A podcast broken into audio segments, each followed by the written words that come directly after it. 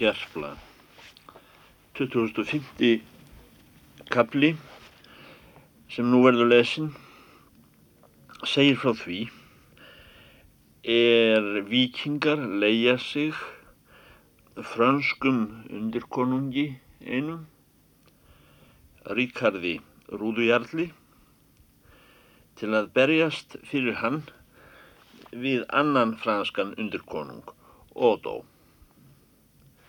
en þegar vikingar eru komnir til rúðu þá gerir Ríkardur Jarl þeim heyrin kunnugt að þeir fái ekki að berjast fyrir hann nema því aðeins að þeir taki skýrn fyrst. Af þessum boðskap Jarlsins rýs mikil kurr í liði vikinga en samt láta þeir tilleiðast að lókun. Svo er sagt að í tölu þeirra manna er sátur ástefnu á barðan Þorstjáls háfa. Þá er í umræðu var kristni taka liðsins.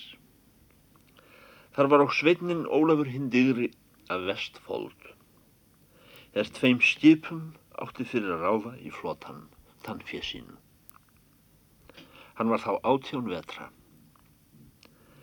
Hann síbyrði körfum sínum við önnur skip á signu undir rúðu kastala. Og þá Rólafur var kominn á skip sitt um kvöldið, lætur hann vekja af svefni lið sitt og blása til stefnu. Hann var mæltur að hætti þeirra manna er jafnan tala fyrir flokkum og var það margra manna mál að þess sem hon væri ívand um vopnfimi og aðra íturmannlega háttu þá jafnaði það málafylgja hans með áheyrilegum fortölum. Hann hefur upp mál sitt með þeim orðum. Á þeirri stund var norrænum vikingum sínd meiri veiður en dæmi voru til síðan um daga Haralds hins hálfhagra en þá var hamingja norræna manna slík og ágæti þeirra að því hófi að úrlendir konungar kepptust um að gefa þeim lönd sín til eignar og buðu þeim dætur sínar að konum svo sem þá er Karl konungur í Fraklandi gaf göngurhólfi Normandi og að baug það ekki þar að segja í ofanálag dóttur sína Pópu. Nú hefur Hrólfs niðjungur í rúðu, það er að segja niðji eða afkomandi Hrólfs í rúðu, Ríkardur Jarl, spurt hver fræðiður er orðinni á Englandi af sögum hjartapríði, yðvarar og garpskapar og þessu ósöðranleika sem öll heimsbyggðin stjelvist við. Vill hann nú af hræðslu uppláta fyrir líður lönd sín og gefiðu leifi til að herja á valska konunga og lemja þá að vild, en hafa að landgæðum það er hér kjósið svo og prinsipissur og drottningar og aðrar mikilsáttar fróður og keipis eftir þorfum. En til þess að þér megið átölu löst fremja alla þá skemmtan sem fæst í sigursælum leiðangri með mannvígum brennum, gripdeldum og kvennafari er einskís krafist að viður í móti af ríkarðar hendi utan það lítilræði að þér takið skýrn og anda helgan og gerist menn kristnir. Nú víkur Ólafur að því er hann sað þar ástafnu með þeim höfðingjum verið fyrir flotanum. Lístu þar, segir hann, hugsínum þeir hálsar sem gildari eru mínum um skipa egn og vistust allir á einu máli, bæði þeir sem miklir bóar eru fyrir landi og svo hinnir sem fara með fám skipum og smá. Og nú heldur Ólafur digri áfram, tölu sinni fyrir lífinu og segir svo. Þar er stemt frá að segja að eg því kunst um margt vita betur skil á kristnum dómi en aðrir menn hér í skipaliði. Og kemur það til að ég hef skorið af nef og eyru, svo og klippt út tungu, einnig stungið augu út, á fleirum lærðum mönnum og nunnum en aðrir norrænir menn. Og var mér fyrir því til trúað að ég þykji hafa góðar læknis hendur. Hef ég enn eigi sé þess mark að stall dræpi hjarta kristins manns þóttan veri meittur. En hínir miklu fleiri er létu skemma sig hlæjandi og er það mín ætlan að fyrr að hafi ragna rauk yfirgengið heiminn en sigur orð verði af slíkum mönnum borið. Ég vil og hér uppláta fyrir alltíðu að mér hefur öngvan dag úr minni liðið karlmennska alfegs erkibiskups hins enska. Þá er við börðum hann oss til skemmtanar með beinum og hornum. Hefur mér löngum fundist síðan mér grítum klerk þenna að vopn vor og skip væri eigi jafn góð og áður og höfu við þó öksar breyðari en aðrar þjóðir og herskip haffærandi þau er öngvir konungar eigu slík í öllum heiminum. Nú em er að vísum aður eigi svo vitur sem Þorkell konungur Strúð Haraldsson fóringi vor en þó veit ég eigi síður en hann að skilning leindra hluta svo og bókafullting sönglist kurteis læti og fagur sverðarleikur og þar með virðing suðræns stórmennis allt þetta fæst af Kristi en ekki óðni þótt sá er en nefnda skilji að vísu fokla mál og hafi mælt við höfuð mýmis. Þá þykir mér og mál til komið að aftur hverfi svo þjóðlígi að Kristur Máriusson sé hlut meldingur þors að grimd og harnesku en óðins í velræðum. Það er að segja sé þeim minni í þessu eða hví mundi eigi þór lagða hafa veröldina undir hamar sinn ef eigi væri gálgatré Máriussonar harðara barefli. Það er Ólafur frændi minn Tryggvason let á lofti glita yfir Noregi.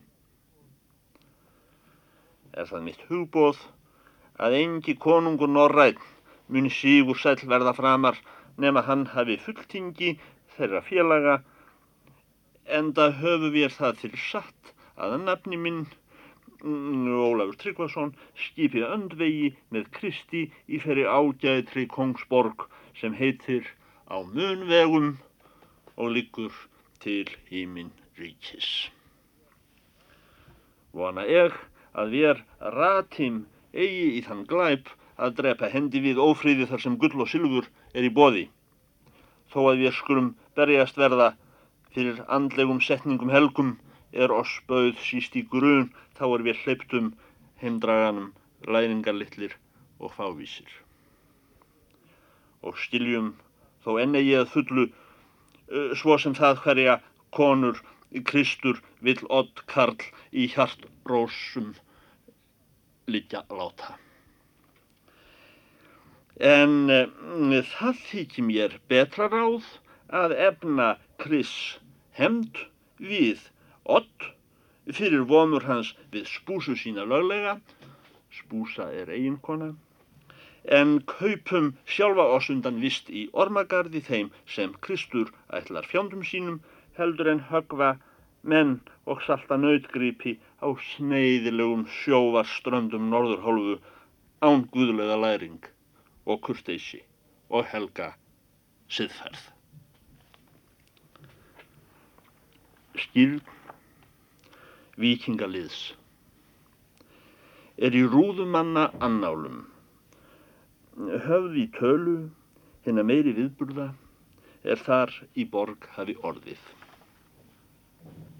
Eigi síst fyrir sækir þeirra tíðenda ymsra er þar af leiti og verður þó eigin að maður fátt eitt sagt uh, á bæklingi þeim er hér stendur saman. En þá er turnan vikingaspurðist í borginni og í staðn og berast nú tíðindi þessi um héruð þá lofar rúðu jarldæmi drottin og tilteknum degi er þessi stór hátíðskildi haldinn. Þusti í borginna múr og margmenni hvaðanæfa með sönglist og bænahaldi að vera þar nær er sá safnaður yllvirkja sem menn vissu einna lakastan í mannatölu á heimsbyðinni mjúglættist og gengi Kristi á hönd. Og að árla morguns á þeim degi fyllist stórkirkjana fólki ná þar öngver menn ingöngu sem síðbúnir urðu. Og fyrir sakir þessa manna svaðals gera klerkar þá skipan á að eigi skulu í kirkju leiða til skýrnar utan þá er manna forráð höfðu í vikingaflokki og höfðingja dóm. En annan lið skildi skýra á kirkutorgi undir berum himni.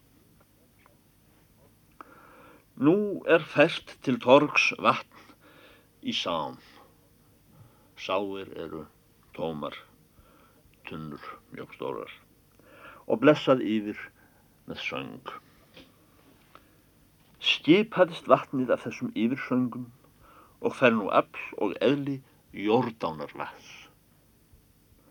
En svo segja helgar vittningar að úr þeim læk hefði sjálfur hvíta Kristur auðsin verið.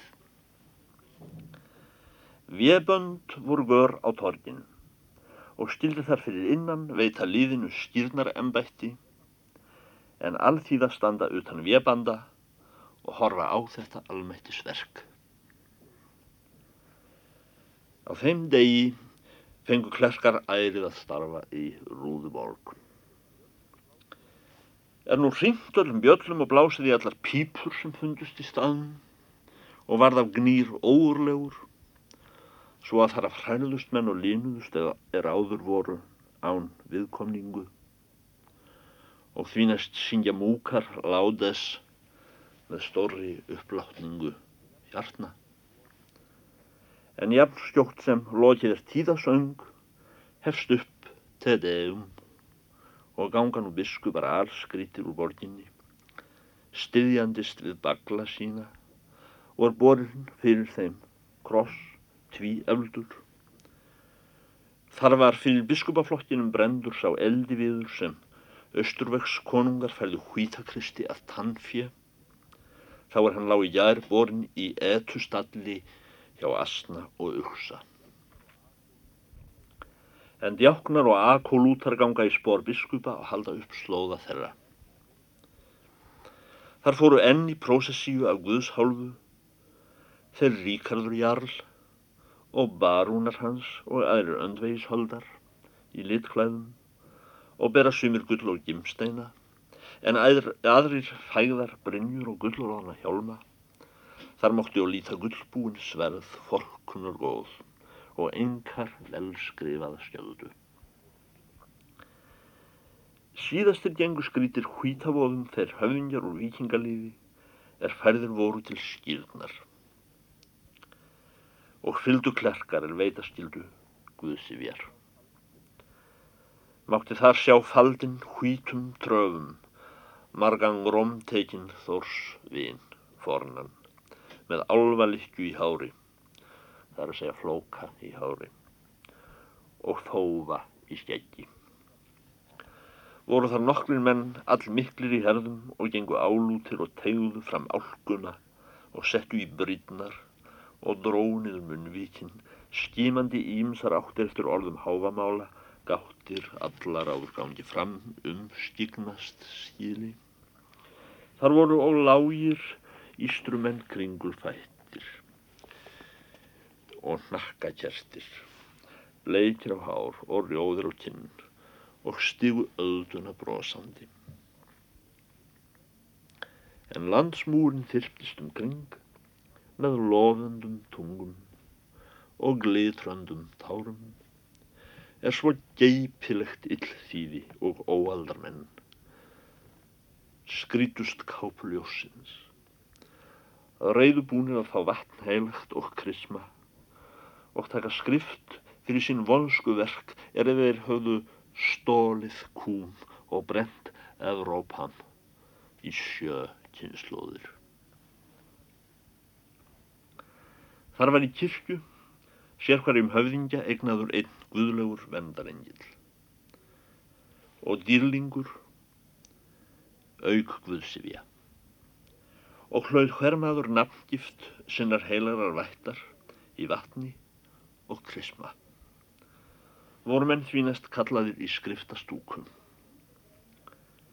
En það var í sáttmálum við Ríkard Jarl og biskupa að vikingar skildu játa synd og misgjald við Guð þótt þeir skildi ógerla hvað skeppnu það væri er klerkar nefna synd eða hvert Guð þeir höfðu misfarið með eða hversum á misfara með Guðum voru þar sumar helgar greinir meir játtar í von hlutskiptis en numnar og ígrundaðar innvirðulega. Þannig var farið með líðinu. Mönnum var fylgt í raðir á torginu og bóðið að lifta hjörtum. Síðan gengur klerkar í meðal með byttum og stöktum með njarðarvetti, vatni á fylkingar og voru menn svo skýrðir í stórkaupum. Fengu þar sumir krisma með raungri ofraustn sér í höfuð og hleit heil röð að láta sér næja einn engil eða dýrling og margir menn að deila nafn og skjól einnar vættar himneskrar. Voru flest nöfn þessara góðvætta í látínu hugfestust mönnum því líkt skýðnanöfn sín, hjælt margur maður eftir sem áður því nafni er hann hefði hlotið í bernsku, nær auðsin var í heimni. Það er sagt að þá er höfðingjar í skipaliði höttu menn sína að ganga til skýrnar. Var hverjum einum allt í sjálfsvald sett að kalla um sínar ferðir. Gengu hér frjálsinn menn undir sáttmál við Ríkard Jarl en þau boð fylgdu að hverjum manni sem eigi vildi skýrn taka þá var honum heimilt að ganga á merkur í Normandi og gerast útilegum aður og hafa það herfang er hann náði.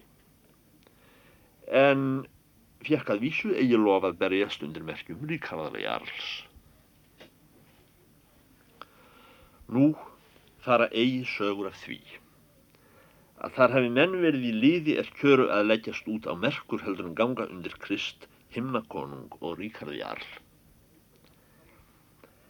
En eigi all fáir þóttust í nokkrum stað áður hafa skýrður verið, þó að þeir hefði þá glemt nafni og trú um skeið.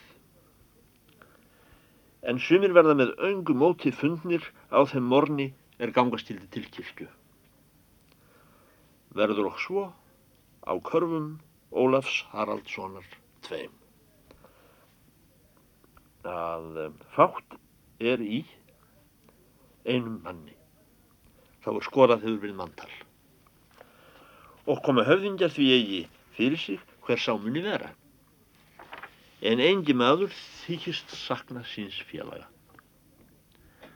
og með því að þá var mikil hugarhæring fólks, sakir þeirra stórtíðenda er voru í aðsígi, þá gleymist skjótt sá maður er fjari var. En það er að segja að forgeri hávar síni. Að þá er hann spyr að menn vilja stýrast láta og vænta sér af slíku tilbræði fjár og frama þá telur hann slíkt hér koma. Fellur honum Kristur síst betur nú en fyrr, eða heila úr andi. Menn draga fram úr pallalöngum sínum viðharnarklæði. Þeir eru slíkt áttu og eru að því kátir er nú skal þann upptaka sem grænstur er en hverja heiðin góð þau er jafnan höfðu dugamönnum illa. Og í þessu anríki um nóttina þá les Þorgir sig eftir bryggjum og gangreipum er þar voru í meðal skipa á ánni og fer í einn byrðing. Um byrðingur er vist sama og vöruflutningaskip. Verða varmenn, hans eigi varir þá er hann hleypur upp á byrðingin. Nú leitar Þorgir sér fylgsnis og finnur eigi þau er honum þykji duga utan einn tjörukakka, tóman, ofan í lögvar. Hann tegur það ráð að leynast þar og komast svo undan Kristi og dregur á hlemmin yfir höfði sér. Þar var óþefjan niður í kakkan meiri en hann hafði komið í áður. En þó þykir honum þetta hóti betra en vera skýrður. Nú líður og býður og heyrir Þorgir í tunnunni þá feiknlega immían er verður úr staðnum. Pípur blásnar, lúðrar þeittir, klukkum hringt og orgun tróðin með hán söng. Þykir honum þetta heldur óskapfellilegur glöymur. Og þá er allir menn voru löngu gengnir í borgina og framið hafi verið skýrun á fólki og drepið hljóð úr klukkum en klerkar byrja að lága söngva. Þá hefst upp í nán Þorgers þar á byrðinginum rödd einn, harla ófögur, rám og sprög og flösótt. Er þar í flutningi hvæðin okkurt og hafið upp í sífellu þið sama örindi með breyttu orðalagi hverju sinni svo sem þá er menn yrkja og verður æð því styrðara og myrkvara sem lengur er upp orð. Það skilst þorgeri að efni hvæðis sé að mæra afreiksverk Þorkels konungs háfa. Það er meira var orðið flestum er konungur hafi áður unnin. Sigur hans yfir englismönnum þá er hann vann lundúnir og gerði sér aðalráð konung elskan en eitti Kantaraborg fyrst. Var svo orusta, kölluð hinn fyrsta og sjötugasta er Þorkjell hefði haldna og þeirra ágætust. Sagði þar af því er hundmargur fjell fyrir blám bengrefli þeirra Þorkjells rekka á einni morgunstundu svo að horkið þurfti örn nýja ylgur að fasta á þeim degi. Áinn var róðin unda sveita, þá var Þorkjell brauð lunduna bryggjur, var sá leikur, sagði í hvæðinu, næsta ólíkur því er menn leggja bjarta brúði í bing hjá sér eða kissa unga ekku. Grét og mörg mær þessa morgun skjæru. Þar var í þetta klófastef. Heldur stóð ógna við hildi, harður Þorketill marðist. Þorgir Hávarsson liftir hlemminum kakkans og rýs upp og er þá svartur. Þar siturund búlkanum þulur, hár, það er að segja gráherður, og var honum grænt hraðberg á tönnum en grísjaði í hökuna gegnum stekið. Hraðberg er það sem nú og dögum er vist kallað tannsteinn. Hann var í kasti söðsvörtu, tánu og ribnu en bara á nögtum framhandlegjum sínaberum, ringatvo úr gulli, þunga og mjög fjagóða. Þorgir segir Nú gerist mér leitt að hlýða geipið þínu. og ertu vist líin maður og vond skáld. Þegar þú kveður oss hafa lundunir brotnar. Eða hver ertu? Egi var þínum eirum ætluð drápa mín um lunduna fræð. Eða hvíjastu eigi gengin við öðrum mönnum og auðsin vatni í tjöru stað.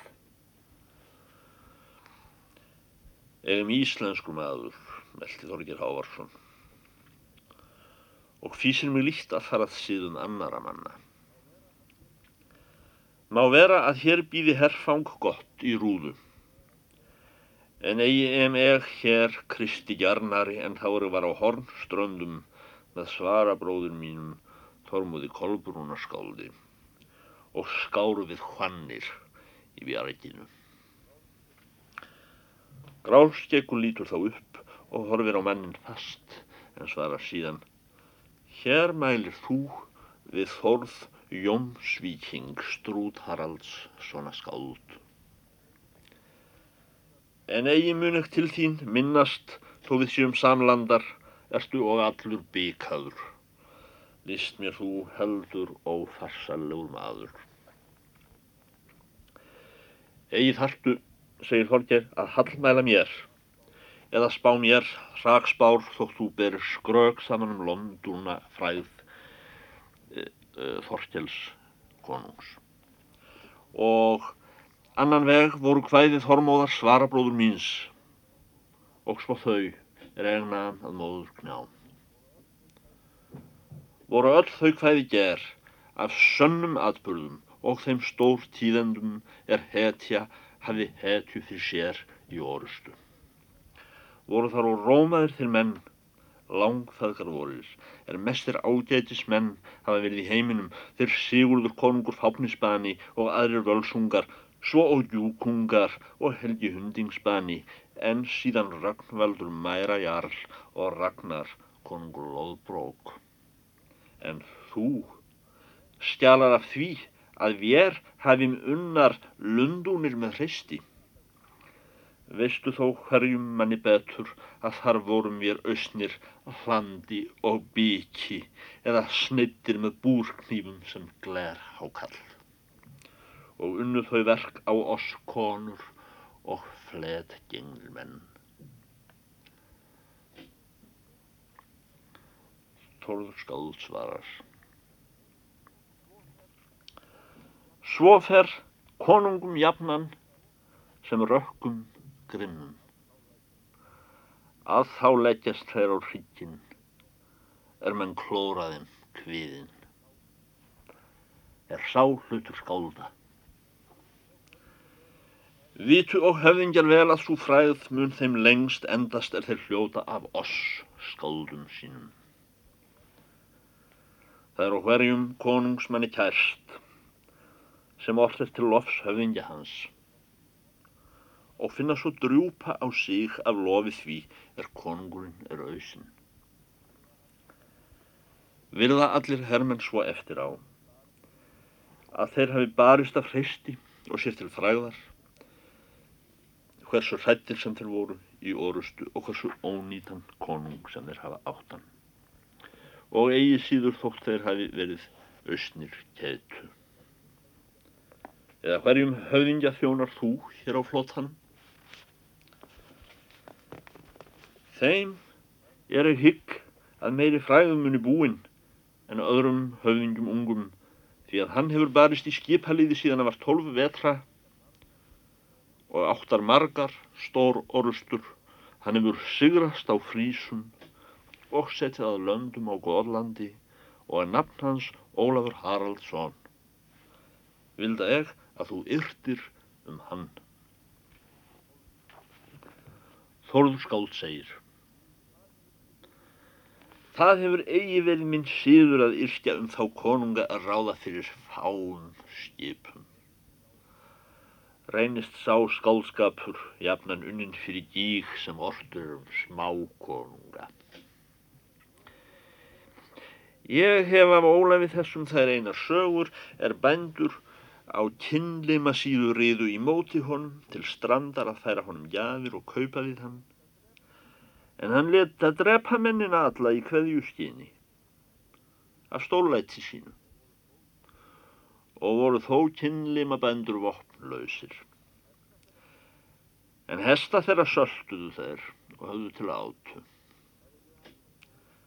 Það veit ég annað um Ólaf Haraldsson að gotlendingar hittu hann tólf vetra gamlan á skipi hans en hann var komin að ræna þá. Og því kallar hann sig síðan hafa skattgilt skota og setir þar löndum. Mun þau skáld er eftir mig koma yrkja hans lof, ef hann gefst vel. Er nú og svo komið að mér förlast hinn göfga í þrótt félagi.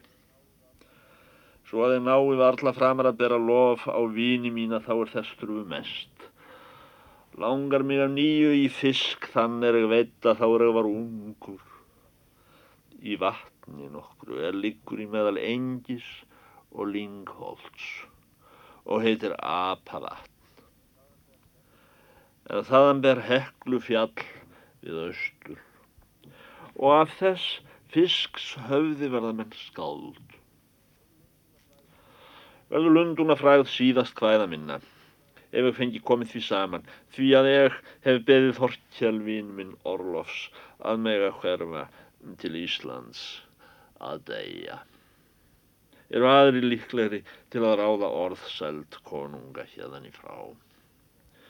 Og ertu heimskur maður, Þorkir, að hafa eigi gengið því borgina að láta skýrast. Hví gegstu eigi sjálfur í borgina? spyr Þorgir Hávarsson. Er maður komin að fótum fram og nenni ég eigi að svíkja óðinn á gamalsaldri en vil heim fara til Íslands að litlum sjó í mýri að draga fiska smá. Mun annað skáldi það sæti koma er er átta fyrr og að Kristi gera góðan orðstýr konunga er við er fræðum af óðni og þór.